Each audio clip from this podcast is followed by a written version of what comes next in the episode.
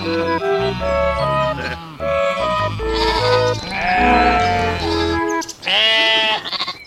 Einar! Hej på dig Anna! Nu är det dags för nästa avsnitt av Fårpodden. Vi är uppe i nummer 14 redan. Och idag ska vi prata om?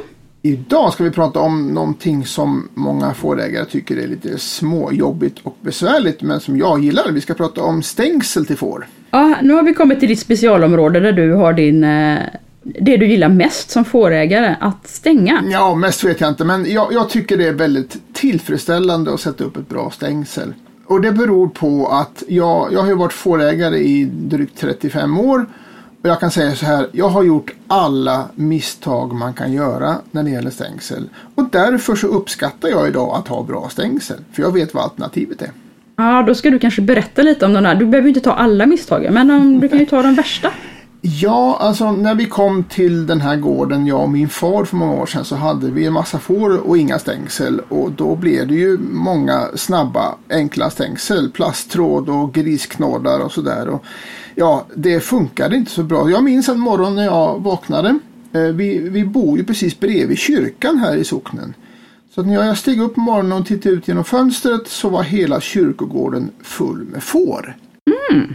Men då behövde ju inte trädgårdsmästaren klippa gräset den veckan, det var väl bra? Alltså grejen var det att de hade klippt av alla blommor på alla gravar också. Ja, så hade, gör ju får. ja, de hade bajsat överallt. Jag kan säga att det var lite bökigt att reda ut den situationen.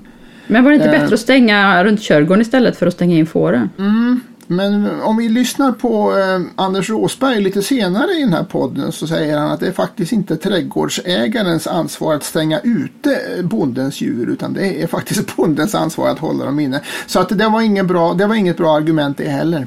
Nej, okej. Okay. Fler misstag. Det kan ju inte varit det enda. Ja, men det är klart när man eh, har mönstrat alla lammen i augusti, skilt från tackorna från lammen och så har man drivit iväg tackorna till vårt stora mossbete som ligger en kilometer från gården och släppt lammen på fint återväxtbete hemma och sen lägger man sig och är väldigt nöjd med dagen. Och nästa morgon så har alla tackorna tagit sig hem igen och blandat ihop sig med lammen igen. Så får man göra om allt jobb igen. Men det var för att staketen var för dåliga? Det var för att staketen var för dåliga. Så kom de hem igen för de är ju ganska motiverade i det läget, tackorna. Men vad, vad hade du då? Två trådar på 30 centimeter? Jag hade dåliga elstängsel hade jag helt enkelt och även dåliga nätstängsel för att eh, det, det fungerar inte. Så att eh, jag har ju lärt mig med åren att, eh, att sätta upp ett bra stängsel det lönar sig verkligen på sikt.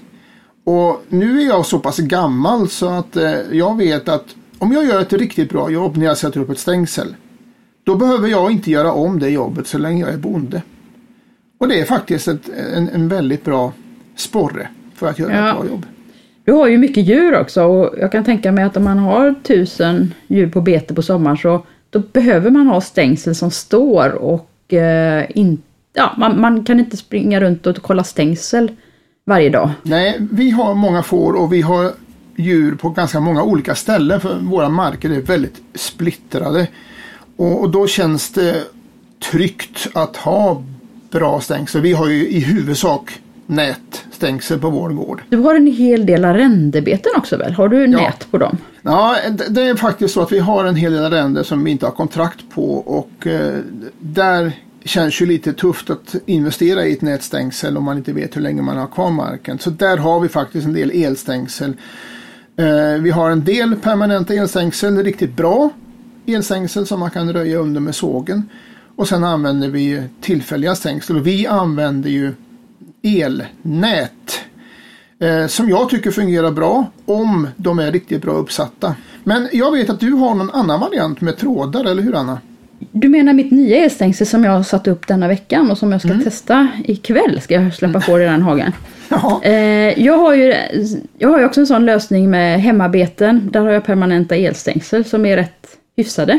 Funkar mm. bra för det ja, mesta. Ja. Eh, sen har jag bortabeten, också sånt som är hyfsat stängt men ofta behov av att låna lite extra av olika skäl. För att det regnar för lite eller, ja men du vet. Mm, mm. Eh, jag har lite för lite bete helt enkelt och för många djur. Och nu har jag testat en ny grej som är en sån här um, smart fence kallas det tror jag. Man drar iväg med 100 meter stängsel på en stolpe mer eller mindre. Fyra trådar. Det känns ju rätt fräckt faktiskt. Ja, du drar ut alla trådar på en gång. Och... Ja, man har en stor stolpe med rulla på med fyra ja. trådar och sen är det typ åtta mellanstolpar, vilket jag tycker är lite lite när det är ytterstängsel det handlar om. Det skulle ju kunna vara perfekt för stripbetning tror jag det här systemet. Jag har satt lite extra mellanstolpar och jag har även satt trästolpar i hörnen då så att jag, eh, jag drar ut alla fyra trådarna på en gång då och runt hörnstolpar etc. Och när du, när du packar ihop det här stängslet så rullar du ihop alla fyra trådarna ja, samtidigt? Ja, bara vevar också. in. Ja, det låter ju jättesmidigt. Har man en infrastruktur för det så tror jag det kommer att bli jättesmidigt. Mm. Dock så är jag lite orolig för hur de ska hålla för det, allting känns, trådarna känns lite tunna. Alltså eltrådarna i trådarna känns lite ömtåliga. Så att ja, det. Eh, det kanske, kanske inte kommer att hålla för min användning. Men jag tror som sagt att för stripbetning skulle det vara jättesmidigt.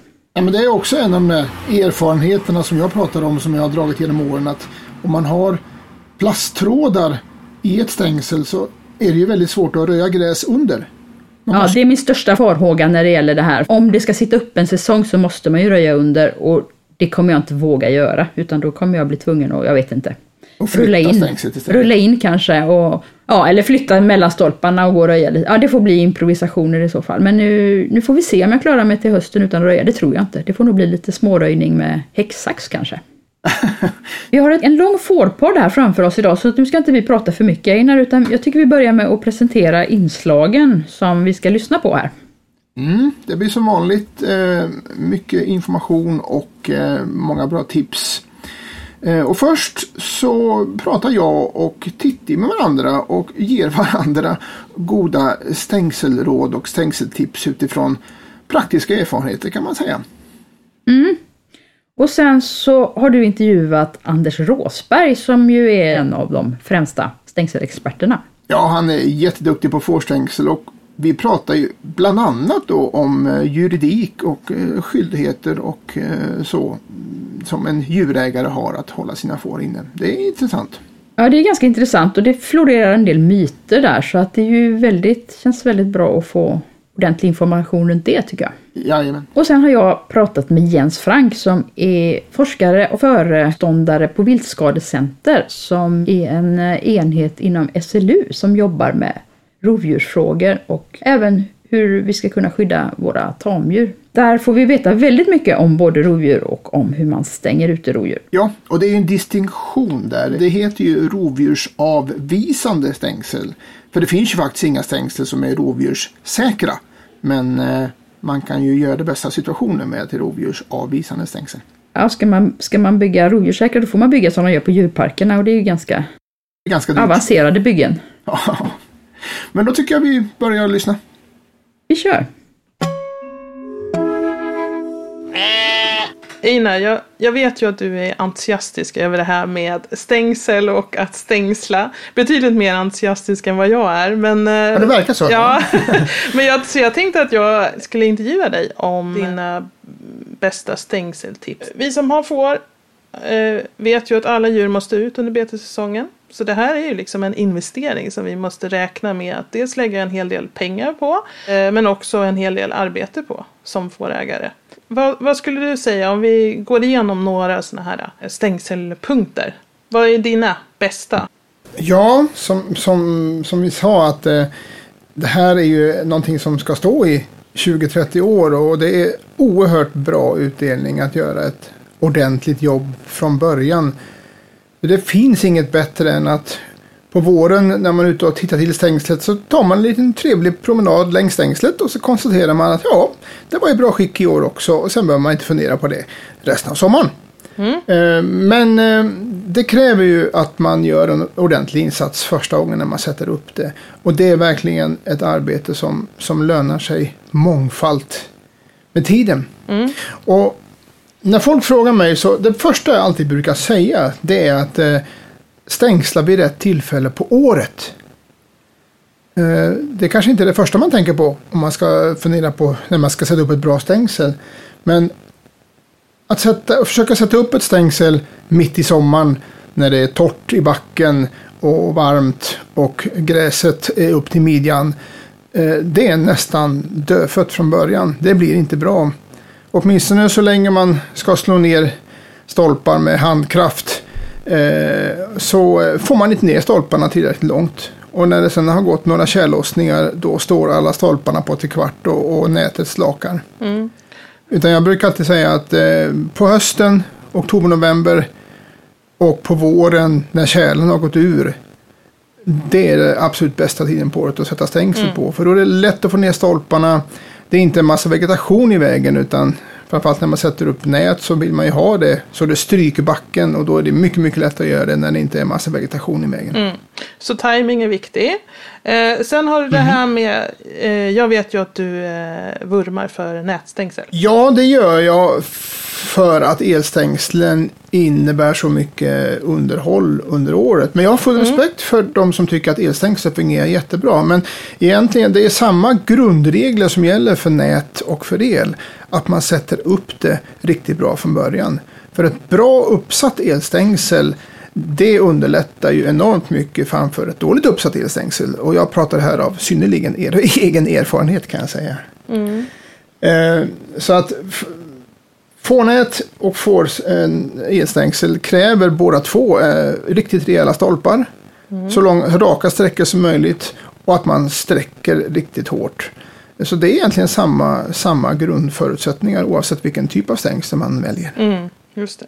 Fårnät är ju att föredra till exempel framförallt runt rastfållor eller liksom marker där man måste ha hög djurtäthet. Eller för att få bra avbetat och sådär. Där man får ett hög, högt tryck på staketet. Det är ju ett fysiskt staket.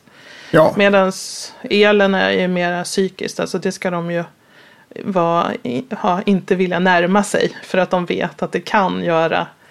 Eh, de kan få en stöt om de nuddar det. Precis. Och därför är det också viktigt att ett elstängsel är i tipptopp hela sommaren. För att eh, de behöver få en påminnelse ibland. För att om, om betet blir lite dåligt, ja då närmar de sig stängslet och så testar de lite grann och märker de att oj, det var ingen ström den här gången. Då är de ju igenom. Mm. Eh, så att eh, ett elstängsel, då behöver man vara på tårna hela sommaren för att verkligen se till att det fungerar. Eh, ett, ett, nät, som sagt var, det går man över en gång på våren och händer ingenting mer sen så funkar det hela sommaren utan att man behöver fundera så mycket på den saken. Eh, sen finns det ju besättningar där det finns tacker som har kommit på det här med att de kan hoppa över stängslet och där kan ju ett elstängsel vara en fördel eftersom en, en tacka som har fått sig en kyss av ett elstängsel, hon hoppar inte över det. Mm. Eh, men för övrigt så eh, livet är lite lugnare med fårnät. Mm. Men mm. självklart är ju den med, med, den reservationen att om man bor där man har problem med rovdjur då kommer man inte undan elstängsel på ett eller annat sätt. Men det hör vi ju mer om i Annas intervju med Jens från Viltskadecenter sen. Mm. mm. Ja, även om man har fårnät så måste man komplettera med lite eltrådar. Mm. Ja, precis. Mm. Eh. Men sen är det en till fråga som jag brukar få. Det är vilken sorts fårnät ska man köpa. Det finns ju billigt fårnät och det finns dyrt fårnät. Det finns mm. ju väldigt olika prisklasser. Och min erfarenhet efter att ha testat alla som finns på marknaden så är det så att ett, ett dyrare fårnät är ju bättre på det viset att det håller spänningen bättre över åren. Mm. Sätter man upp ett billigare fårnät och slakar det lite mer efter några år. Mm. Men om man sätter upp det ordentligt, alltså inte för långt mellan stolparna och bra hörn och så vidare, så fungerar ett billigare fårnät helt okej okay över tid också. Det är min erfarenhet. Mm. Det är framförallt knutarna va? Som... Ja, det är lite olika sorters knutar. Mm. Ja, alltså om, om, vi säger så här, min favorit det är, det som, det är Gunnebostängslet. Det var ju svenskt från början, nu tillverkas i Polen. Det är inte helt enkelt att få tag på. Eh, fördelen med Gunnebonätet är att det är en mycket tjockare tråd där uppe och där nere. Och det gör att det är mycket svårare för fåren att krypa under och den håller spänningen bättre. Eh, nackdelen är att den här Gunnebo-knuten, det är ju så kallad ringlock. Mm. Och eh, om nätet inte är spänt så kan den glida i sidled så att fåren kan tvinga sig ut. Köper man de här dyrare näten som brukar heta Tornado eller Cyclone, de har ju knutar som är mycket, mycket säkrare. Mm. Men eh, de näten är ju ganska dyra. Mm. Och sen har man de här billigaste näten som är vridknut på. Eh, de knutarna sitter i och för sig ganska stadigt men istället så blir det ett väldigt vekt nät eftersom det inte är några genomgående lodräta trådar så att ett sånt nät blir ganska sladdrigt. Mm. Men eh, har man lite för långt avstånd mellan stolparna så funkar faktiskt de näten också. Mm. Nu var det permanenta stängsel men vi har ju också till fåren en hel del tillfälliga stängsel. Jag till exempel använder mig av en hel del eh, tillfälliga stängsel. Alltså typ mm. plaststolp och plasttråd. Och det beror delvis på att jag har en hel del lånad mark till mina får. Alltså jag är inte säker att jag har dem, kommer att ha dem eh, så många år. Så nej, kan, då vill man ju inte investera så mycket. Nej, och sätta upp fånät då. Um, men så det funkar eh, helt okej. Okay. Och det är ju klart lättast då på åkermark. Eh, där man kan ha glest mellan stolparna. Det är långa raka sträckor. Jag sätter ner några trästolp i hörnorna. Eh, mm. och, det, och det viktigaste där också är ju att det är bra bete som gör att fåren liksom inte ser någon vits med att hoppa över eller gå igenom tråden. Nej, det är ju sådant gammaldags präktigt ordspråk att det bästa stängslet är ett bra bete. Ja, precis. Eh, och det är ju verkligen sant för får. eh, och sen, alltså också det här, jag har använt eh, tidigare en del elnät som tillfälligt stängsel. Men då är det ju såklart viktigt att man verkligen alltid har, har ström på dem så att djuren inte börjar gå för nära för då är ju risken annars att de går in med huvudet i dem och det blir som ett fisknät liksom att de drar med sig det och fastnar i det. Eh, och sen grejen med dem är ju också att det inte kan vara för mycket undervegetation överhuvudtaget. För... Nej, vi använder ju ganska mycket elnät också. Det är precis som du säger, det, det måste vara välspänt, uppsatt och bra med ström för annars kan de faktiskt bli farliga för fåren. Mm. Eh, och jag brukar ju röja en gata med röjsågen eller köra ett spår med traktorn eller så. För det, mm. det får ju, den nedersta tråden på ett elnät sitter ju väldigt nära marken. Så att det, det, får inte vara för mycket undervegetation för då förlorar man strömmen. Det är helt rätt. Ja, eh, om vi går in på stängseltipsen då, liksom praktiska tips. Vad skulle hands du... On, liksom. Hands on. Vad vill du ja. ge Einar? Ja, alltså det jag säger nu är ju inga nyheter. Det, det hör man ju från alla som pratar om stängsel. Men det första, alltså det, det viktigaste i ett stängsel är ju hörnen. Om man har stabila hörn, eh, då kan man spänna upp och då håller det spänningen även efter några tjällossningar. Um, och jag tror att en del blir lite avskräckta när man ser bilder på sådana här parallellogramhörn för det, det, verkar så otroligt komplicerat. Men jag säger att det är inte alls svårt. Uh, tidigare gjorde vi alltid hörn med snedsträvor och det är ju ett vettigt sätt om man gör det på rätt sätt. Men uh, sen tio år tillbaka använder jag bara parallellogram och det tar inte längre tid att göra ett sådant hörn och det håller mycket bättre.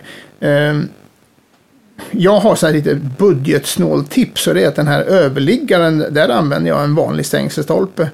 Och det gör att mina parallellogram blir inte riktigt lika långa som eh, de som ska vara gjorda by the book. Men min erfarenhet är att det fungerar alldeles utmärkt över tid i alla fall. Mm. Eh, och sen är det viktigt då att den här staglinan som man sätter i parallellogrammet är den som håller ihop hela konstruktionen. Dels så är det ju bra om man sätter den på rätt håll. För jag har sett en del bilder på sociala medier där man har satt den på fel diagonal och då gör den ingen nytta alls. Nej, Men sen gäller det också att man, använder, att man inte använder vanlig, som jag kallar för bonnaståltråd. För den sträcker sig efter bara ett litet tag och gör ingen nytta. Utan man använder riktig elstängseltråd, HT-tråd, 2,5 mm. Mm. High tensile. Eh, high tensile, ja precis. Det är alltså försträckt tråd. Eh, för den sträcker sig inte. Mm.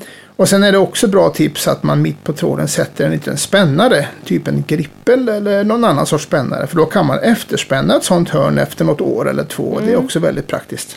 Det finns väl, eh, alltså om man vill ha recept på hur man gör parallellogram hörn. Ja. Det finns ju i de här uh, eh, hur man gör ro, ras, rovdjursavvisande Ja, stängsel. precis. Mm. Jag tror vi gör så. Vi, vi länkar, på hemsidan så länkar vi till den pdfen. För det finns en jättebra eh, stor broschyr om ja. hur man sätter upp rovdjursavvisande stängsel. Där ser man precis hur man kan göra ett parallell, parallellogram. Ja. Eh, svårt att säga.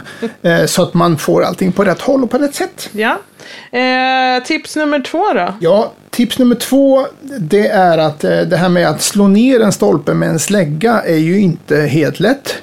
Eh, stolpen är 1,80 lång och många är inte ens så långa. Så att eh, kommer man åt med traktorn så eh, vill jag absolut rekommendera att man använder frontlastaren mm. och trycker ner stolpan med. Och gör man det då vid rätt tid på året som jag började med, när det är fuktigt i backen, då går det väldigt bra även när det är ganska stenig jord. Mm. Det viktigaste är självklart att ingen står och håller i den här stolpen och hamnar under om nu stolpen skulle råka gå av. Utan eh, jag gör det här själv. Jag kör ner stolpen i backen så att den står upp och sen trycker jag med frontlastaren. Och Gör man det vid rätt tid på året då är det som att trycka ner en blyertspenna i ett paket smör och man kan sätta upp 100 stolpar på en timme. Mm. Eh, det är ett jättebra tips. Men som sagt var, försöker man göra det mitt på sommaren när det är torrt i backen då går det inte alls. Nej. Tips nummer tre då? Då kommer vi fram till detta att man ska spänna stängslet ordentligt. Många nybörjare de försöker att hala och dra med händerna men det är ju dömt att misslyckas utan man behöver ju ett hjälpmedel. Och det bästa hjälpmedlet är ju en sån här riktig stängselspännare som består av två stycken eh, ja, järnprofiler eller plankor kanske som man bultar fast och spänner fast runt nätet. Mm. Och sen kan man dra i den här konstruktionen med en talja eller en vinsch på en fyrhjuling eller en frontlastare eller någonting sånt där. Eh, och då kan man sträcka upp typ 50-100 meter nät i ett streck och det blir jättebra. Men eh, mitt tips är en, en, en, lite enklare variant som jag kallar för hävstångsspännare. Den, den finns i lite olika beteckningar. Trådspännare tror jag den kallas för på, på vissa företag. Mm. Som helt enkelt är ett handtag med en liten eh, böj i änden och en liten led mitt på. Och så tar man den, lägger man den runt tråden och så spänner man runt stolpen och så med den här hävstången så spänner man upp mm. tråden så det blir jättespänt. Och sen kan man hålla fast den här med låret exempelvis medan man spikar med en mäla på tråden. En jättesmidig mackapär som eh, funkar lika bra när man ska reparera ett gammalt stängsel som att sätta upp ett nytt. Så länge man inte försöker dra allt för långa sträckor samtidigt. Mm. Så att, eh, det är en ganska billig sak. Eh, och den kan jag bara rekommendera alla att köpa. Det finns på ett, ett företag baserat i Blekinge. ja, det är faktiskt så att eh, det enda jag ser eh, när jag tittar på nätet eh, så finns det faktiskt bara ett enda företag i Sverige som, som säljer det. Det är LG-produkter. Mm. Eh, det kan finnas på fler ställen som jag har missat. Men eh, om man söker på trådspännare på deras hemsida så hittar man några olika varianter. Mm. Har du något mer tips? Ja, alltså när man har spänt upp nätet och spikat i några mälor hårt så att stängslet håller sig spänt, då är man inte klar. Utan det viktigaste då det är att man kör tråden runt stolpen och najar fast den i sig själv så att säga. För först då har man säkrat upp det här nätet så att det inte slaknar. Sen har jag faktiskt ett tips till eh, och det är för dem som, eh, när man har elstängsel så finns det en, eh, ett jättebra sätt idag där man kan fjärrstyra eluttag med hjälp av mobiltelefonen. Man kan alltså sätta på och sätta av ett eluttag med hjälp av mobilen. Och eh, har man ett elstängsel så är det jättesmart att sätta elstängselaggregatet via ett sådant uttag. För att när man är ute och går och så ser man att stängslet är trasigt och behöver lagas så är det jättesmidigt att kunna koppla av strömmen på distans, laga om man nu har lite grejer med sig, sätta på det igen och sen kan man direkt prova att det är ström på stängslet. Det, är en, det sparar många steg den lilla detaljen så det, det är någonting som jag tycker är ett bra tips. Ja, smart teknik. Det gillar vi. Eh, sen, ja, och sen då om man har ett elstängsel där man inte har nätström tillgängligt. Eh, det är ofta så. Så finns det jättebra lösningar med solceller. Mm. Som håller batteriet laddat och det klarar sig hela sommaren om, allting, om all teknik fungerar. Och det är också ett jättebra tips. Mm. Skönt att slippa konka på batterier. Mm. Men du då Titti, vad har du för stängseltips? ja, ja, jag har alla möjliga typer av stängsel eh, runt mina får. Jag tycker så här att även om man har en mindre besättning som jag så tycker jag att man kan, eh, ska lägga lite tid på att få en effektiv avbetning. Och jag brukar till exempel fixa nya stripar av betet så, genom att dela av åkermarksbete med tillfälligt stängsel. Eh, mm. Och då brukar jag forma eh, stängslet som ett, som ett L när jag börjar. Eh, så att jag lätt kan flytta ut några stolp varje dag. Om man har sådana här plaststolp som man trycker ner med foten. Eh, så då får djuren en ny stripa bete. Eh, och på så vis så kan man liksom styra dem och beta ny mark. Och de får nytt fräscht bete varje dag och då blir det mer effektivt avbetat. Det, Hur många trådar brukar du använda jag har, i sådana tillfälliga stängsel? Jag har alltid bara två. Du två, och den högsta ja. är kanske max 60. Så att det, mm. Men det är ju ja, bra ström och de har, har de bete så håller de sig inne. Liksom. Mm. Mm. Eh, och sen mitt andra tips det är ju det här med att eh, om man inte har stänklat så mycket till får förut det är att gå med någon som erbjuder dig att hjälpa till med någon som är van att stängsla för får. Eh, du får säkert vara med. Och då brukar, ja, och då brukar man liksom lära sig en massa bra knep. Eh, och eh, ja, men, som jag har lärt mig en massa bra knep av pappa när man har gått med och stängslat mm. eller på gårdar man har jobbat på och sådär. Ja, det finns ju eh, tusen sådana små grejer som man inte ja, kan ta med i ett sånt här program. Typ att sätta mm, mälan i rätt vinkel och ja, sådana saker. Det finns ja, mycket sånt. Precis. Och, och, och, alla hittar sina egna små knep. Så samla på, att man samlar på sig det liksom. Mm. Eh, av andra. Det brukar vara bra.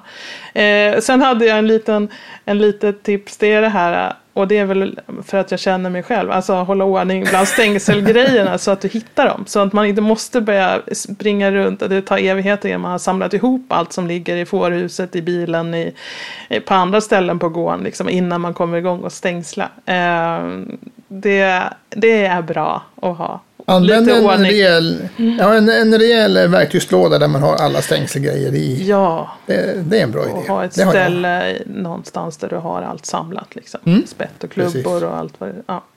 Eh, och sen det sista som jag eh, vurmar för att eh, fårägare ska hålla länge. Det är det här att man inte sliter ut sig när man stängslar. För det kan, eller det är eh, fysiskt jobbigt att stängsla. Eh, men det finns ju en massa bra hjälpmedel.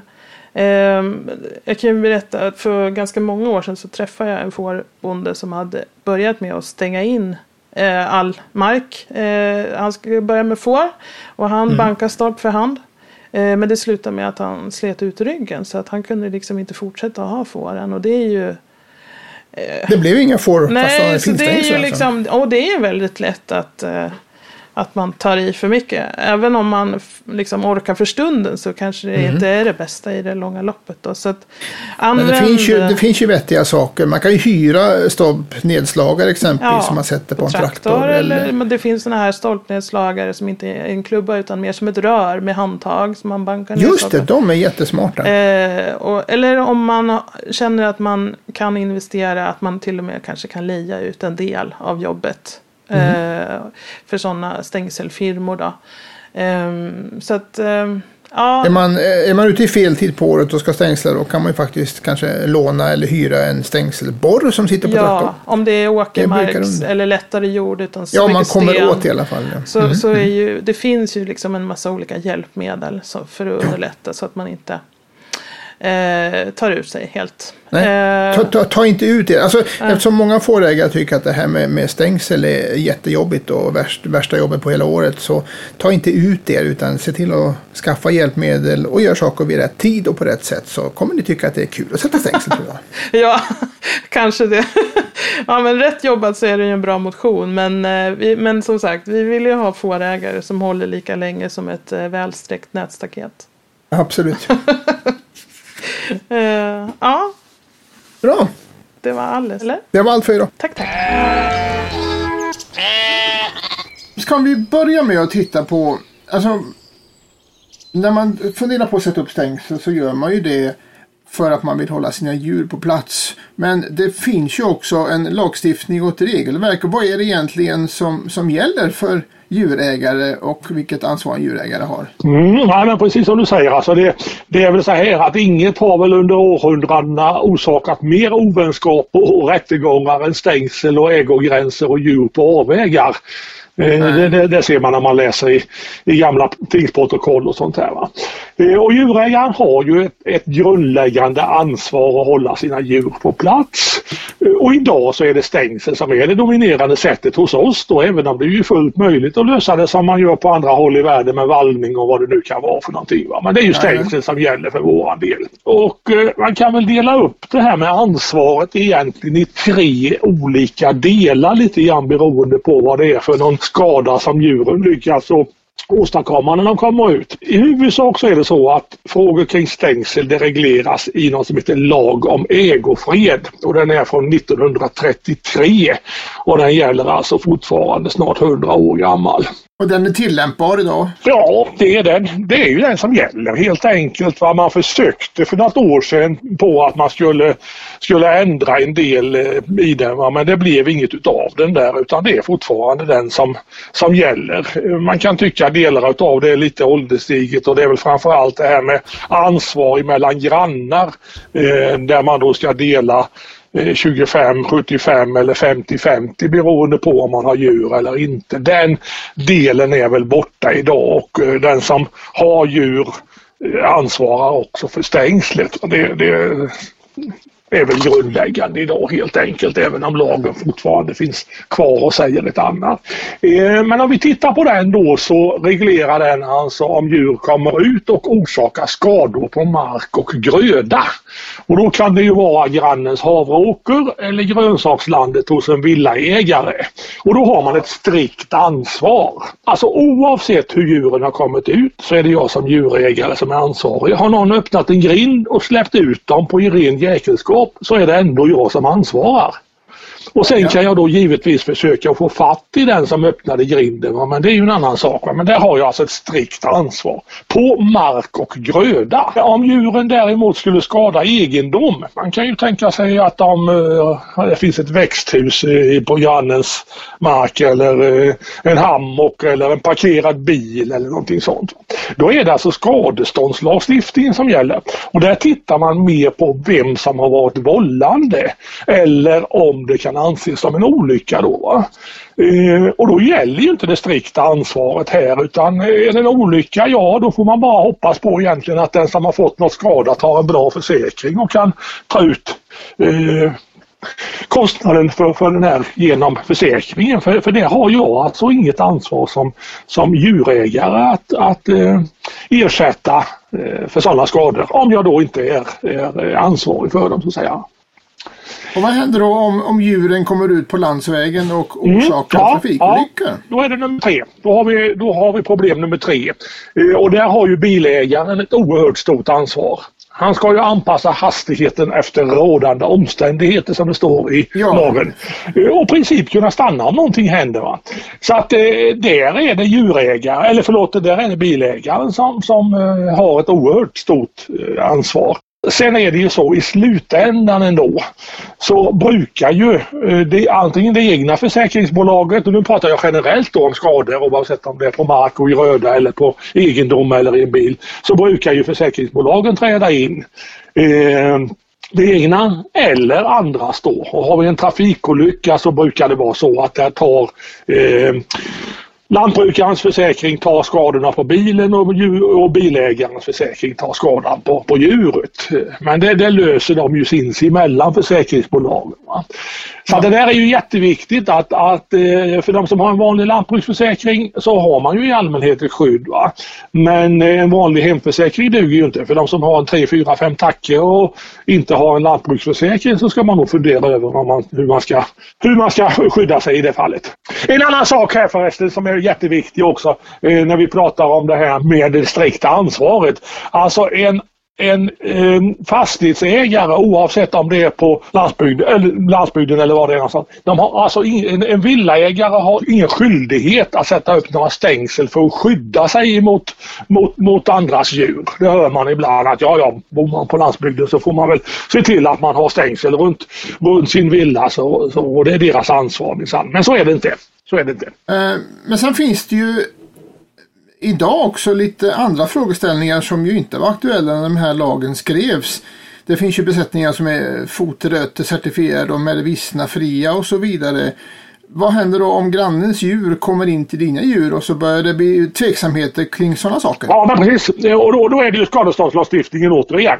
För, för, och då tittar man på eh, vem har varit vållande. Är det så att jag har haft för dåliga stängsel, ja då kanske det är jag som kan anses vållande. Ja, men är det bara så att de har sluppit ut av eh, någon anledning, åskan har slagit ner och, eller någon har kört igenom stängslet med en bil eller någonting sånt. Va? Då, då eh, är det ju inte jag som djurägare som anses skyldig till detta och då får man bara hoppas på att eh, den som har blivit drabbad återigen har en, en försäkring som kan, som kan eh, lösa det hela. Om vi ska knyta ihop den här säcken så kan vi bara konstatera att ett bra stängsel skyddar mot eh, mycket elände och det gäller oavsett vems, vems ansvar Ja, precis. Absolut. Men om vi då går in på lite mer praktiska eh, stängselfrågor. Eh, det är väl en av de vanligaste frågorna man läser exempelvis på eh, forum på Facebook och så vidare. Folk som ska skaffa lite får och så funderar de på vad ska jag skaffa för sorts fårstängsel? Vad säger fårex eller stängselexperten Anders Rosberg om det?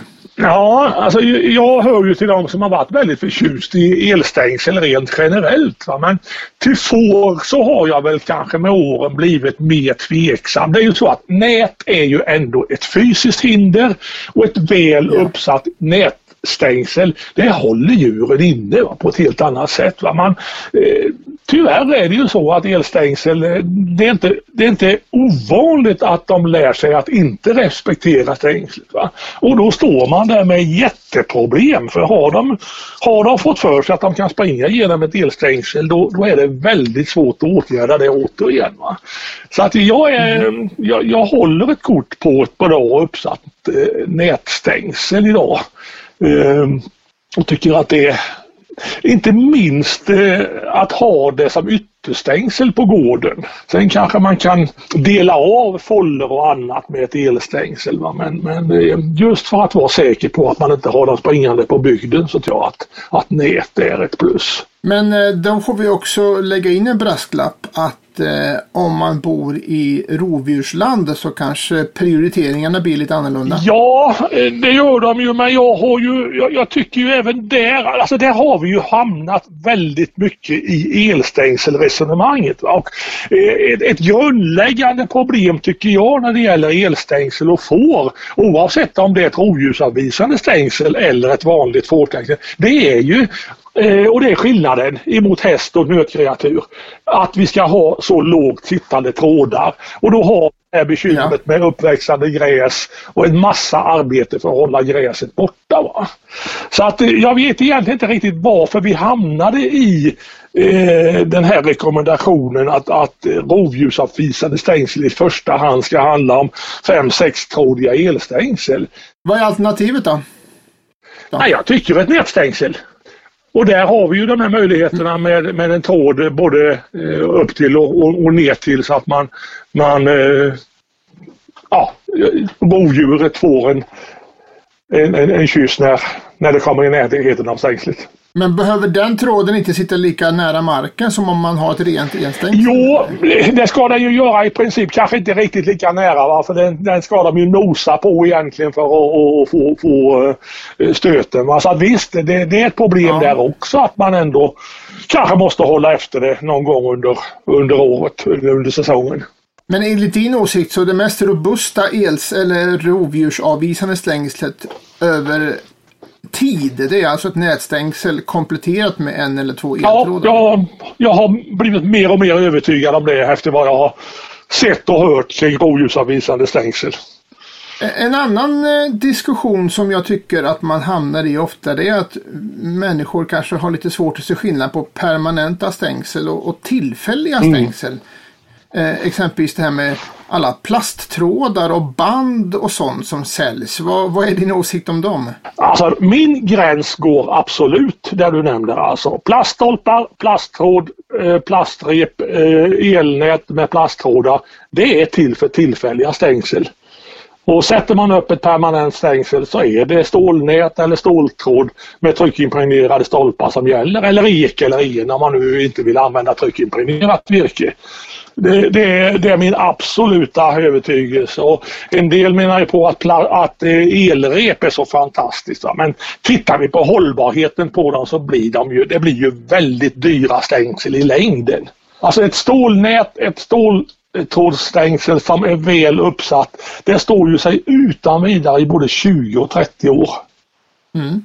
Och under den tiden har man hunnit att byta ut eh, plasttrådar och elrep eh, otaliga gånger till höga kostnader. Om jag, tar, om jag talar om egen erfarenhet så är det ju hopplöst att, röja ett elstängsel med en trimmer om man har plasttråd. Ja, precis. Man slår ju sönder trådarna med trimmer så fort man stöter emot en sten eller vad det nu handlar om. Så det, ja, och varje gång precis. man gör en ny knut på stängslet så minskar ju effekten på elstängslet också. Precis. Om vi säger så här då, du har varit med länge. Vilka är de vanligaste felen du ser på gamla stängsel? Mm. Eh, Alltså en, en intressant sak är ju att det, det, har ju egentligen aldrig funnits någon tradition i Sverige att hålla snygga fina stängsel. Till skillnad från exempelvis brittiska öarna eller betesländer som Australien och Nya Zeeland. Där är ju snygga stängsel lite grann av status på en gård. Absolut. Ja. Eh, och det vanligaste felet det tror jag det är att man, man sätter upp stängsel. Eh, man har inte en rak linje och sätter stängslet eh, utefter. Alltså man, det, det, stolparna står lite grann på tre kvart eh, och, och efterhand så gör det att trådar och nät de hänger som tvättlinor. Stolparna på tre kvart. Hörnkonstruktionerna ger upp. Det är också någonting som man inte eh, ägnar tillräckligt eh, tid och energi åt att göra ordentliga hörnkonstruktioner. Mm. Och det gör att, ja, bara kort tid efteråt och det är svårt då att att också eh, spänna upp sådana stängsel. Va? Det går i princip inte. Så att eh, ett ordentligt gjort arbete från början lönar sig mångfalt i längden, eller hur?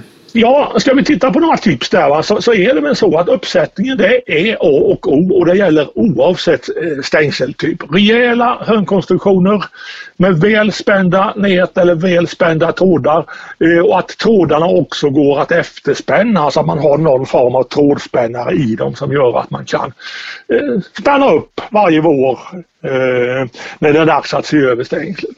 Mm. Och eh, exempelvis så har ju Google Maps en väldigt bra funktion för att mäta avstånd och, och rita upp sitt stängsel på en karta. Och, och eh, det med avståndet är ju jättebra att man i sin planering när man ska köpa eh, material vet hur långt det verkligen är. Ja, men det var ju ett eh, fräckt tips. Ja, ja, den är inte så dum den faktiskt. Och sen den här raka stängsellinjen. Att man håller en rak linje fram till där stängslet ändrar riktning och där gör man en ordentlig konstruktion beroende på vinkeln då och sen en rak linje därifrån ner.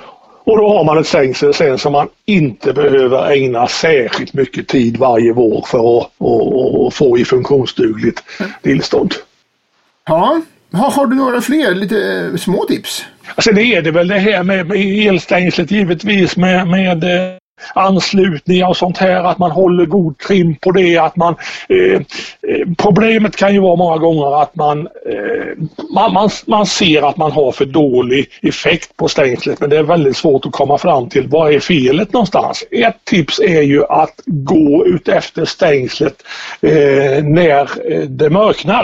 Eh, det är ju lite svårt kanske just den här tiden på, på, på året. Va? Eh, men det är ju ändå mörkt så att man ser gnistorna. Det, det, eh, då kan man se när det är överslag i, emellan en tråd och en isolator eller vad det nu kan vara för någonting. Ja just det, då kan man faktiskt se att det gnistrar till ja.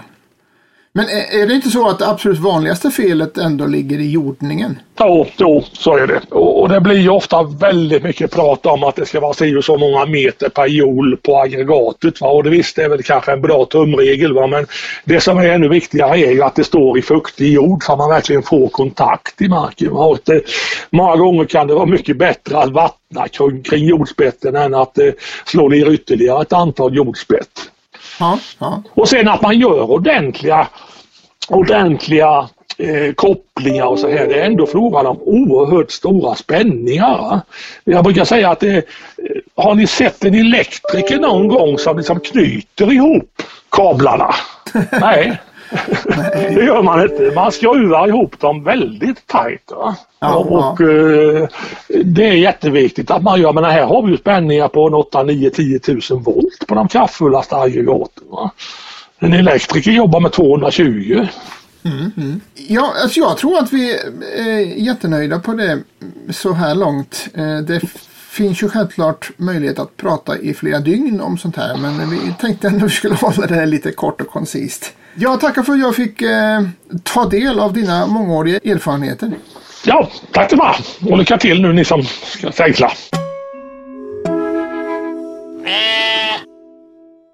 Jens Frank, du är ju föreståndare och forskare på Viltskadecenter och jag tänkte att du skulle räta ut alla våra frågetecken runt RAS. Fast kanske inte ens vet vad det är. Vad står det för? RAS är en förkortning för rovdjursavvisande stängsel. Och Viltskadecenter, eh, du kan väl beskriva lite kort också vad det är och vad ni gör? Ja, vi är en centrumbildning på SLU, Sveriges lantbruksuniversitet. Och vi får ett basuppdrag varje år från Naturvårdsverket som beskriver vad det är vi ska jobba med. Och det vi gör är dels att vi utbildar länsstyrelsernas personal när det gäller rovdjursinventering och besiktning av rovdjursdödade tamdjur och besiktning av skador på gröda från framförallt då traner och gäst. Och sen arbetar vi även med att utveckla förebyggande åtgärder och stödja både länsstyrelserna och näringen i det arbetet. Både med att ta reda på vad som fungerar bättre och sämre och att försöka sprida den här informationen och hela tiden ta in ny information. Det är tänkt som ett kunskapscenter mellan näringarna och myndigheterna då, ja. eller? Så kan man kort uttrycka det. De senaste tio åren så har vi fått fler och fler uppdrag när det gäller rovdjursinventeringarna eh, och vi har kommit att jobba mindre och mindre med just här, den här delen som du pratar om som ett kunskapscentrum när det gäller förebyggande åtgärder. Ja, Okej, okay. så ert uppdrag ändras från år till år kan man säga, vad ni ska fokusera på? Ja, vi har ett eh, basuppdrag som har löpt ett år i taget och i tillägg till det så får vi då tilläggsuppdrag och de kommer lite nu och då under året. Så förhoppningsvis blir det så från och med i år att vi får ett treårigt eh, avtal så då kommer vi att veta tillsammans med Naturvårdsverket, Länsstyrelsen och näringarna kunna lägga upp en plan för en treårsperiod i taget. Mm. Det låter ju vettigt, eller rimligt, att man ska kunna ha lite ja, framförhållning. Jag tror att det kommer att göra vårt arbete bättre. Rovdjursavvisande stängsel, vet du ungefär hur många av Sveriges ungefär 9000 fårbesättningar som har sådana stängsel? Ja, på ett ungefär så vet jag det. Det varierar ju stort mellan länen. Så i vissa län här i området där jag bor till exempel, där i Bergslagen där vi har en hel del av vargreviren. Här finns det ju flera län där mellan 30 och 40 procent av alla fårbesättningar har åtminstone ett rovdjursavvisande stängsel. Men sett över riket som helhet så ligger det någonstans runt 5 procent. Tycker du att de här stängslen passar bäst i reviren omkring reviren eller tycker du att fler borde ha ras? Jag tänker så här att när det gäller bidragen som staten betalar ut för att sätta upp rovdjursavvisande stängsel så bör de bara gå till fårbesättningar i varje revir. Därför att det är där de gör störst nytta. Så om vi vill få maximal förebyggande åtgärd eller maximal förebyggande effekt per satsad skattekrona så ska de bara gå till fårbesättningar i varje revir. Inte fårbesättningar i andra delar av landet och absolut inte till nöt eller hästbesättningar. Okej, okay. för, för att man kan sätta upp ett, ett ras i Skåne och sen så kommer ingen varg någonsin förbi där och då har man slösat bort skattepengar menar du? Ja men precis. Dels har vi det, men sen har vi också i vissa delar av landet så blir det ju oftare skyddsjakt på vargar. Så i de delar av Sverige, till exempel i, efter västkusten och östkusten där vi har höga tätheter av fårbesättningar. Om det vandrar förbi en varg där eller stannar till där under några veckor eller några månader så blir det ofta förhållandevis många angrepp under en kort tid. Inte för att den vargen är mer benägen än andra vargar att angripa får utan för att det finns så många fårbesättningar i området. Där blir det på kort tid så pass många angrepp att Länsstyrelsen beviljar tillstånd på skyddsjakt och så skjuts den vargen bort. Så det gör att i de mest fårtäta delarna av Sverige så är det heller inte riktigt ekonomiskt försvarbart att ge bidrag till rovdjursavvisande stängsel. Där kommer de heller inte att göra så stor nytta för även om det skulle etablera sig en varg där så blir den snart bortskjuten. Därför att där jobbar man med den förebyggande åtgärden. Alltså du menar att länsstyrelserna har lite olika fokus beroende på hur mycket får som faktiskt finns i området? Nej, det är nog inte så att de har olika fokus utan det är bara det att det är det som blir konsekvensen av att Ja, det är mycket okej. får där. Så att om man har ungefär samma kriterier för skyddsjakt i hela landet och det som har använts under de senaste åren har ju varit om det är fler än tre angrepp av varg på fårbesättningar i ett område som motsvarar ett vargrevir Mm. under ett år. Ja, då ger man tillstånd till skyddsjakt på varg. Och här till exempel i det vargreviret där jag bor, där kommer det nog aldrig att bli så mycket som tre vargangrepp på fårbesättningar ett och samma år. Därför att här finns det inte så många fårbesättningar. Men, men hur bra skyddar RAS enligt din uppfattning mot vargangrepp? Det är svårt att ge en exakt siffra på det därför att vi har inte haft möjlighet att göra ordentliga experiment eh, med, eh, med vilda vargar och vanliga fårbesättningar. Det vi har gjort är att vi har satt upp rovdjursavvisande stängsel i djurparker. Det här är länge sedan, det är 15 år sedan tror jag vi gjorde de här försöken med både lodjur och med varg. Inne i deras hägn Inne alltså? i deras hägn. Det vi gjorde då var att vi bad djurparkspersonalen att inte ge vargarna eller lodjuren mat. Och sen så satte vi i hägnet upp två olika typer av stängsel. Så vi satte till exempel upp ett femtrådigt elstängsel och ett tretrådigt elstängsel. Och då kunde ju vargarna välja, eller lodjuren välja, vilket av de här passerar de helst för att komma Mm. åt sin mat.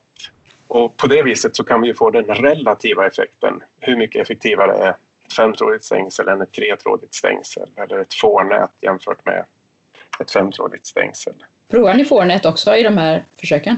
Ja, det gjorde vi. Och, Och hur, hur föll de ut då?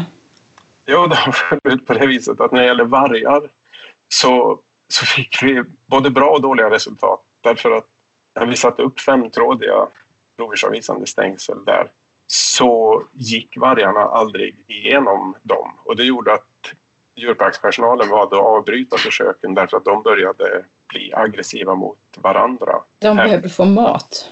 än att gå genom stängslet. Så vi fick aldrig någon varg att gå igenom det femtrådiga stängslet. Ja, okej. Hur, ungefär hur många ställen var, gjordes det försöket? Eh, vi gjorde det i Skånes djurpark, vi gjorde det i Kolmården, Dens ark. Och jag undrar om vi inte var i är det Sandefjords djurpark det heter i Norge. Jag kommer Ja, inte okej. ihåg. Men Mm. det finns ett faktablad på Viltskadecenters hemsida om det här. Och där Ja, men okej, då kan vi länka till det. Vad intressant. Eh, och det- här är lite grann bakgrunden till att femtrådigt ras har blivit den rådande rekommendationen för att skydda sina får. Eller? Nej, ja, det, är en, det är en liten del av bakgrunden. Det vi också har gjort är att vi har tittat då, och det var också nu säkert 10, kanske 15 år sedan. Då tittade vi på hur stor andel av fårbesättningarna har rovdjursavvisande stängsel. Och så tittar vi på om de är över eller underrepresenterade bland de fårbesättningar som har dokumenterade angrepp av stora rovdjur. Säg att ras inte är bättre än vanliga stängsel. Och vi kan konstatera att 4% av alla fårbesättningar i ett område har ras. Ja, då ska ju 4% av de besiktigade rovdjursangreppen också vara i besättningar som har ras. Mm. Men om ras är bättre än vanliga stängsel, ja då bör det vara en lägre andel av dem som eh, har dokumenterade rovdjursangrepp. Mm. Och, och utifrån den studien så kunde vi se att risken minskade med flera gånger om man hade ras jämfört med om man har ett eh, vanligt stängsel. Det vanligaste stängslet då var tretrådiga elstängsel. Men det vi helst skulle vilja göra är ju ett experiment där man slumpar ut vilka besättningar som får ras och vilka som har sina vanliga stängsel. Och så följer man dem för att se eh, om det faktiskt är så att de besättningar som har ras har färre angrepp av vargar. Mm. Det är ju det bästa sättet att få en säker och tillförlitlig siffra på, den, på effekten. Ja, samtidigt måste man ha ganska mycket angrepp för att få en statistik som går att förlita sig på. Ja, det blir ju väldigt höga procentsatser då direkt om det blir ett par angrepp, men det behöver ju vara många för att man ska kunna dra några långtgående slutsatser, tänker jag. Ja, det är helt sant. Och där har vi nästa problem.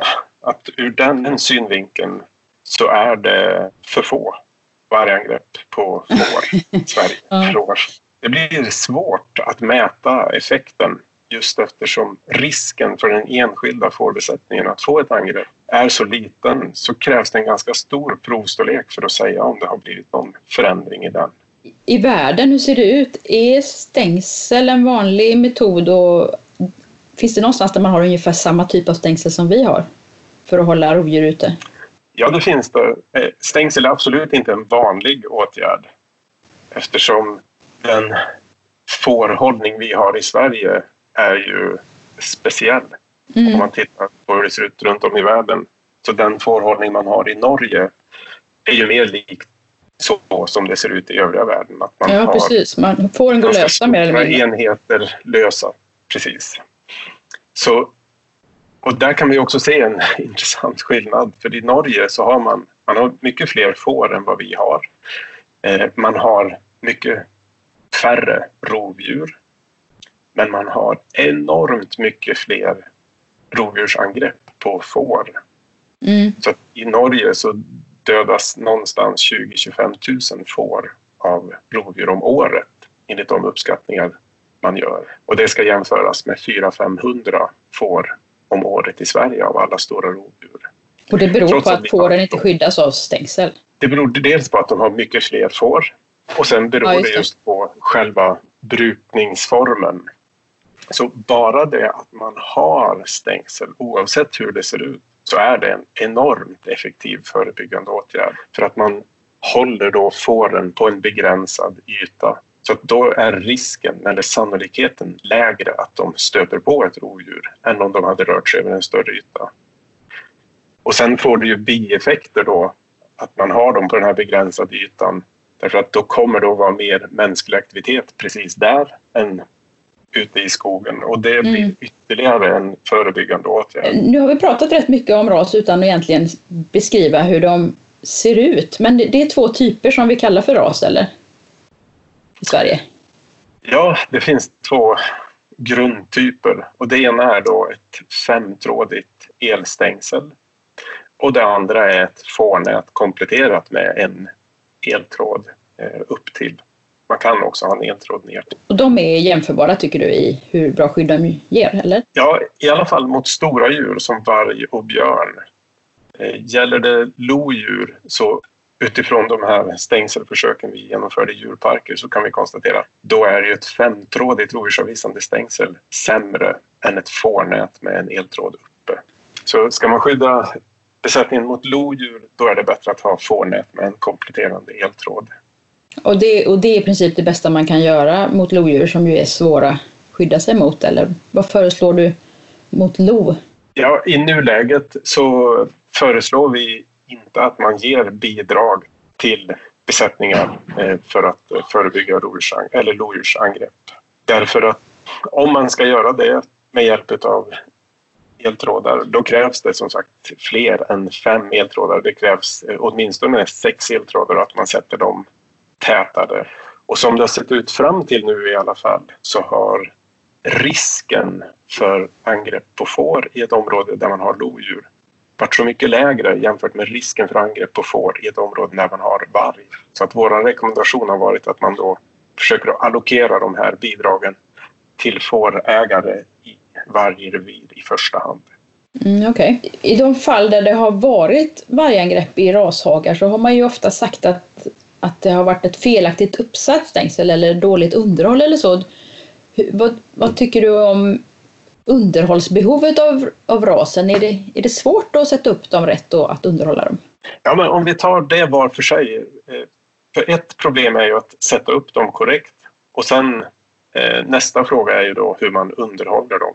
Mm. Och där tog Länsstyrelsen i Värmland initiativ till en, eh, en översyn här för några år sedan, det kanske är fem år sedan. Och då eh, var vi från Viltskadecenter inblandade i att hjälpa till med den genomgången. Och det vi gjorde då var att vi försökte ta tio bidragsstängsel från respektive år. Alltså vi tog tio stängsel som hade blivit beviljade bidrag för ett år sedan, tio som hade blivit beviljade bidrag för två år sedan, för tre år sedan och ända bak till tio år. Mm. Och så skickade vi ut Länsstyrelsens besiktningsmän för att besiktiga de här stängslen och se om de fortfarande uppfyllde rekommendationerna som Viltskadecenter har för hur ett ras ska se ut för att man ska få eh, bidraget utbetalt. Ja, en slutinspektion av ett nyuppsatt stängsel alltså? Den, Precis. den sortens kontroll, okej. Okay. Precis, den besiktningen. Så det man tittar på då är ju om det finns ordentliga hörn, om stängslet är välsträckt, om den nedersta tråden sitter max 30 centimeter ovanför marken. Och det man kunde konstatera där var ju att det var väldigt få stängsel som uppfyllde alla de här kraven. Det var ungefär ett av tio. Och det gick inte att se någon skillnad mellan åren. Så att de stängsel som var beviljade för åtta år sedan hade, var i princip i lika dåligt skick som de som var beviljade för ett år sedan. Men det var, det var stängsel som hade godkänts en gång, någon gång? Precis. Så slutsatsen av det här, och det finns också en, i en, både en rapport och en vetenskaplig artikel. Slutsatsen av det här var att stängslen är inte okej okay när de godkänns av Länsstyrelsen. Så att här måste det ske en uppryckning i alla led. Fårägaren har inte byggt stängslet enligt eh, Viltskadecenters rekommendationer. Länsstyrelsens besiktningsman har sett genom fingrarna med det här när han eller hon har godkänt stängslet. Och uppenbarligen så måste ju vi då ifrån Viltskadecenter kommunicera mycket bättre ut till länsstyrelserna och länsstyrelsernas besiktningsmän hur viktigt det är att de här rekommendationerna faktiskt följs. Därför att det som sker annars är ju, vi riskerar att dra slutsatsen att den här åtgärden, rovdjursavvisande stängsel, fungerar inte för att vi får angrepp bakom den. Men det vi har gjort är egentligen inte att vi har försökt utvärdera den åtgärden utan stängslen ser inte ut som, som vi borde. tänker oss att, vi ska, att de ska se ut. Så hittills så är det inte underhållet av stängslen som har varit problemet utan det är uppsättningen från början. Det har varit alldeles för dåligt. Okej, okay, men det leder ju till frågan hur sjutton gör man när man tänker att nu ska jag sätta upp stängsel som skyddar mina får? Hur ska man, vart vänder man sig för att få kunskap och hjälp med hur det här ska gå till? I första hand så vänder man sig till Länsstyrelsen. Då är det ju bra om man redan innan man börjar bygga stängslet får kontakt med den besiktningsman som sen ska göra slutgodkännande. Så den kan vara med och hjälpa till och ge råd om hur det ska se ut. För då blir det ingen eh, obehaglig överraskning i slutet. Utan då har den besiktningsmannen varit med hela tiden och gett råd om hur det ska se ut. Och Länsstyrelsen har den här typen av rådgivning? Den, bjuder de på den? Ja. Okay. Eh, sen finns det också en del resurser på Viltskadecenters hemsida. Vi har ju skrivit en bok om hur man sätter upp sådana här stängsel och underhåller dem. Och den finns att ladda ner där kostnadsfritt som en mm. pdf. Och den innehåller mycket bilder och beskrivningar av hur man gör allt från hörn till eh, knutar på mm. stängseltrådarna. Den länkar vi till såklart. Mm, toppen. Eh, jag vet inte om vi, om vi hoppade över frågan om underhåll lite väl snabbt. Ville du säga något mer om det? Ja, för som sagt hittills så har det inte varit problemet när det gäller eh, angrepp bakom rovdjursavvisande stängsel. Utan i de få fall där det har varit rovdjursangrepp bakom rovdjursavvisande stängsel så har det antingen varit så att man av någon, kanske lite outgrundlig anledning, har satt stängsel på tre sidor och så har man haft en sida öppen mot vatten då hjälper det ju inte att man har tre sidor med väldigt bra stängsel. Om en sida är öppen mot vatten så går ju rovdjurs, rovdjuren gladeligen.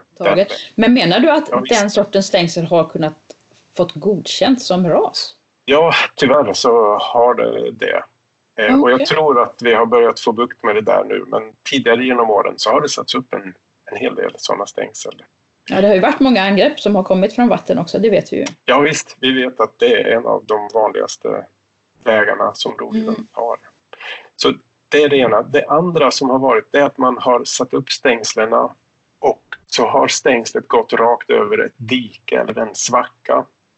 Så att där kan det då bli ett glapp. Ibland har det här glappet varit uppåt en meter stort mellan marken och den understa stängseltråden. Mm. Så då kan ju en varg eller en björn eller ett lo gå eh, rakt Promenera rakt in såklart. Där.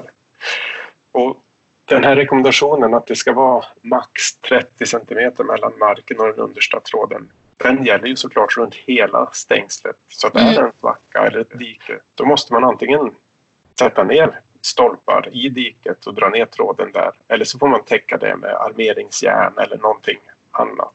Hitta andra lösningar. Mm. Ja, det finns många lösningar. Man täcker eh, armeringsmattor är det vanligaste man använder. Så det är det som har varit eh, de vanligaste luckorna. Det har sällan, jag kan faktiskt inte minnas att eh, besiktningsmannen någon gång har gjort bedömningen att det har varit dåligt gräsrensat som har lett till att eh, det har skett ett rovdjursangrepp. Det kan säkert ha hänt, men jag kan inte minnas det. Utan det är de här två faktorerna, vatten och eh, stort avstånd mellan undre tråden och marken. Vargarna är alltså ganska benägna att krypa under? Ja, det vi kan konstatera är att risken för att de hoppar över är väldigt liten. Utan både varg och björn och lo, kan de krypa under så gör de det. Och går inte det, då väljer de i de flesta fall att gå därifrån. Det är bara i undantagsfall som eh, vi har kunnat dokumentera att varg eller lo hoppar över. Eh, när det gäller bidragsbiten, finns det pengar nu att, att söka? Vet du det? Ja, det gör det. Och det varierar ju lite mellan länen. De mesta pengarna kommer ju via landsbygdsprogrammet och fördelas ju då från Jordbruksverket ut till länsstyrelserna. Och där har vi från Viltskadecenter varit med och tagit fram den fördelningsnyckeln. Och den grundar sig då dels på varg och loförekomst, alltså det senaste inventeringsresultatet. Men den grundar sig också på hur mycket angrepp man har haft de åren innan. Så det varierar ju mellan länen hur mycket pengar som finns. Ja, hur stor chans man har att kunna få, få del av dem, men man kan alltid söka. Man bör absolut söka, för att länsstyrelserna har ju även möjlighet att få en del pengar via Naturvårdsverkets viltskadeanslag som kan användas framförallt till icke blocklagd mark. Landsbygdsprogrammets pengar kan ju bara användas till blocklagd mark. Mm, okay. Eh, men det är jätteviktigt att man söker för det är på det viset som länsstyrelserna också kan få underlag för att sen då trycka på uppåt om att de behöver ha mer pengar. Om ingen ja. söker, då kommer det inte att eh, komma. Om man söker och får stöd för att sätta upp ett eh, ras, följer det med förpliktelser då också som man behöver att tänka på? Ja, det gör det. Eftersom det här hör till landsbygdsprogrammet så gör man ju samma typ av åtagande som eh, man gör för de övriga typerna av stöd i landsbygdsprogrammet. Så att man förbinder sig ju att under, jag kommer inte ihåg om det är tre eller fem år, eh, upprätthålla det här stängslet. Och eh, såklart också beta marken. Ja, det ska betas in i fållorna under den perioden som man förbinder ja. sig. Mm, okay. Ja, men precis. Men det är ju egentligen inte knutet till själva rovdjursavvisande stängslet utan det är ju det åtagande man gör. För att, alltså det skötselåtagande som man gör. Ja, men okay. Eftersom jag jobbar i det här systemet så väljer jag att inte söka bidrag till RAS eh, hem till mig. Men jag bygger ändå stängsel med samma typ av hörn som vi rekommenderar för RAS. Och i mitt jag skulle vilja slå ett slag för det. Att bygga rejäla stängsel, antingen man söker pengar eller inte? Ja, och framförallt att satsa på att göra ordentliga hör. Du har egna får alltså? Det har jag glömt att fråga. Vilken general, vilket generalfel? Just nu har jag faktiskt inte det. Just nu har jag bara hästar. Vi har tidigare haft en besättning här på 30 eh, pälstackor.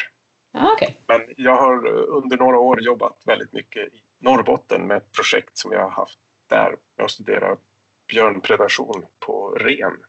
Och då mm. har jag varit borta hela vårarna och då har min fru och barn fått ta oproportionerligt stor del av arbetet under lamningen. Så okay. därför har vi en paus med det. Mm. Kommer det nya får till gården då? Du, du känner dig trygg med att ha får i vargbältet? Ja, det gör jag. Men jag förstår att en del känner annorlunda. För dem så är det ju jätteviktigt att man försöker att jobba med till exempel bra stängsel. För att det kan ju minska deras upplevda stress. Och ja, men det, det är en stor del av det hela, att man behöver jobba med sin egen oro också. Att av den anledningen skydda sig. Det är den största anledningen. Så att även om man inte får ett angrepp under hela sin livstid så kan man ju fortfarande gå och vara orolig för det varje ja, dag. Absolut, det var väldigt intressant att prata med dig. Ja, vad bra. Och jag har lärt mig mycket. Jag säger tack så jättemycket för att du tog dig tid att prata med oss. Nu, nu, när vi har lyssnat på de här intervjuerna och även på vårt introprat så kan man ju få lite känslan av att nätstängsel är första valet för de flesta fårägare men om sanningen ska fram så är det ju inte riktigt så Einar. Nej, båda stängseltyperna har ju sina för och nackdelar och jag tror att varje fårägare får känna efter lite grann vilket som passar bäst. Eh, elstängsel kanske passar bättre för den lite mindre besättningen för har man en stor besättning då blir det nästan lite övermäktigt att sköta om man har bara elstängsel. Mm. Men eh, exempelvis har man, ja som jag sagt, har man får som hoppar eller man har problem med rovdjur. Ja då är man ju hänvisad till elstängsel på ett eller annat sätt i alla fall. Ja och en annan sak som ju som är ju väldigt bra, sambete kan ju också vara svårt med nätstängsel. För varken hästar eller nöt går speciellt bra ihop med dem stängslen. Nej, det stämmer Hästägare precis. vill inte släppa sina hästar i en hage med nätstängsel för de är rädda för skador. Och nöt har en förmåga att hänga sig över staketet för att beta på utsidan och förstöra hela bygget. Det är jättebra, inte minst ur parasitsynpunkt, att exempelvis eh, sambeta eller växelbeta med nötkreatur. Och då är en eltråd som komplement till ett nät exempelvis en väldigt bra idé. Ja, precis. Ja, eh, tror du vi har inspirerat eller avskräckt fårägaren från att sätta stängsel nu, Anna? Ja, kanske blir det några som rullar upp sina gamla kassastängsel i vinter och sätter nya. Vad tror du? Ja, ja, alltså, Tycker du jag ska göra det? Ah, jag är säker på att du sköter dina stängsel på ett alldeles utmärkt sätt. Eh, men eh, vad jag kan hoppas är i alla fall att eftersom jag själv faktiskt har insett att det är roligt att sätta upp ett bra stängsel eftersom det är så himla bra utdelning på det de kommande 30 åren så hoppas jag i alla fall att eh, några fler fårägare inser att det här med stängsel inte bara är jobbigt och tråkigt utan faktiskt en av de bästa investeringar man kan göra när man har får. Ja, jag, tycker, jag. jag tycker att stängsel, stängslingen är det sämsta med får. Det är ju det som talar mot fåret. Annars så finns det väl egentligen ingenting som är dåligt med får. Men de kräver ja. ju väldigt bra stängsel och det, är, det kan vara ganska jobbigt när man ska starta faktiskt. Och det kan även vara jobbigt på vägen om man då inte har startat bra. Ja, framförallt om man inte har satt upp ett bra stängsel från början. Då blir det jobbigt för det är jobbigt att reparera och komplettera dåliga stängsel. Det ja, särskilt när djuren står i hagen och försöker smita ut samtidigt ja. som man ska fixa stängslen. Det funkar ju inte.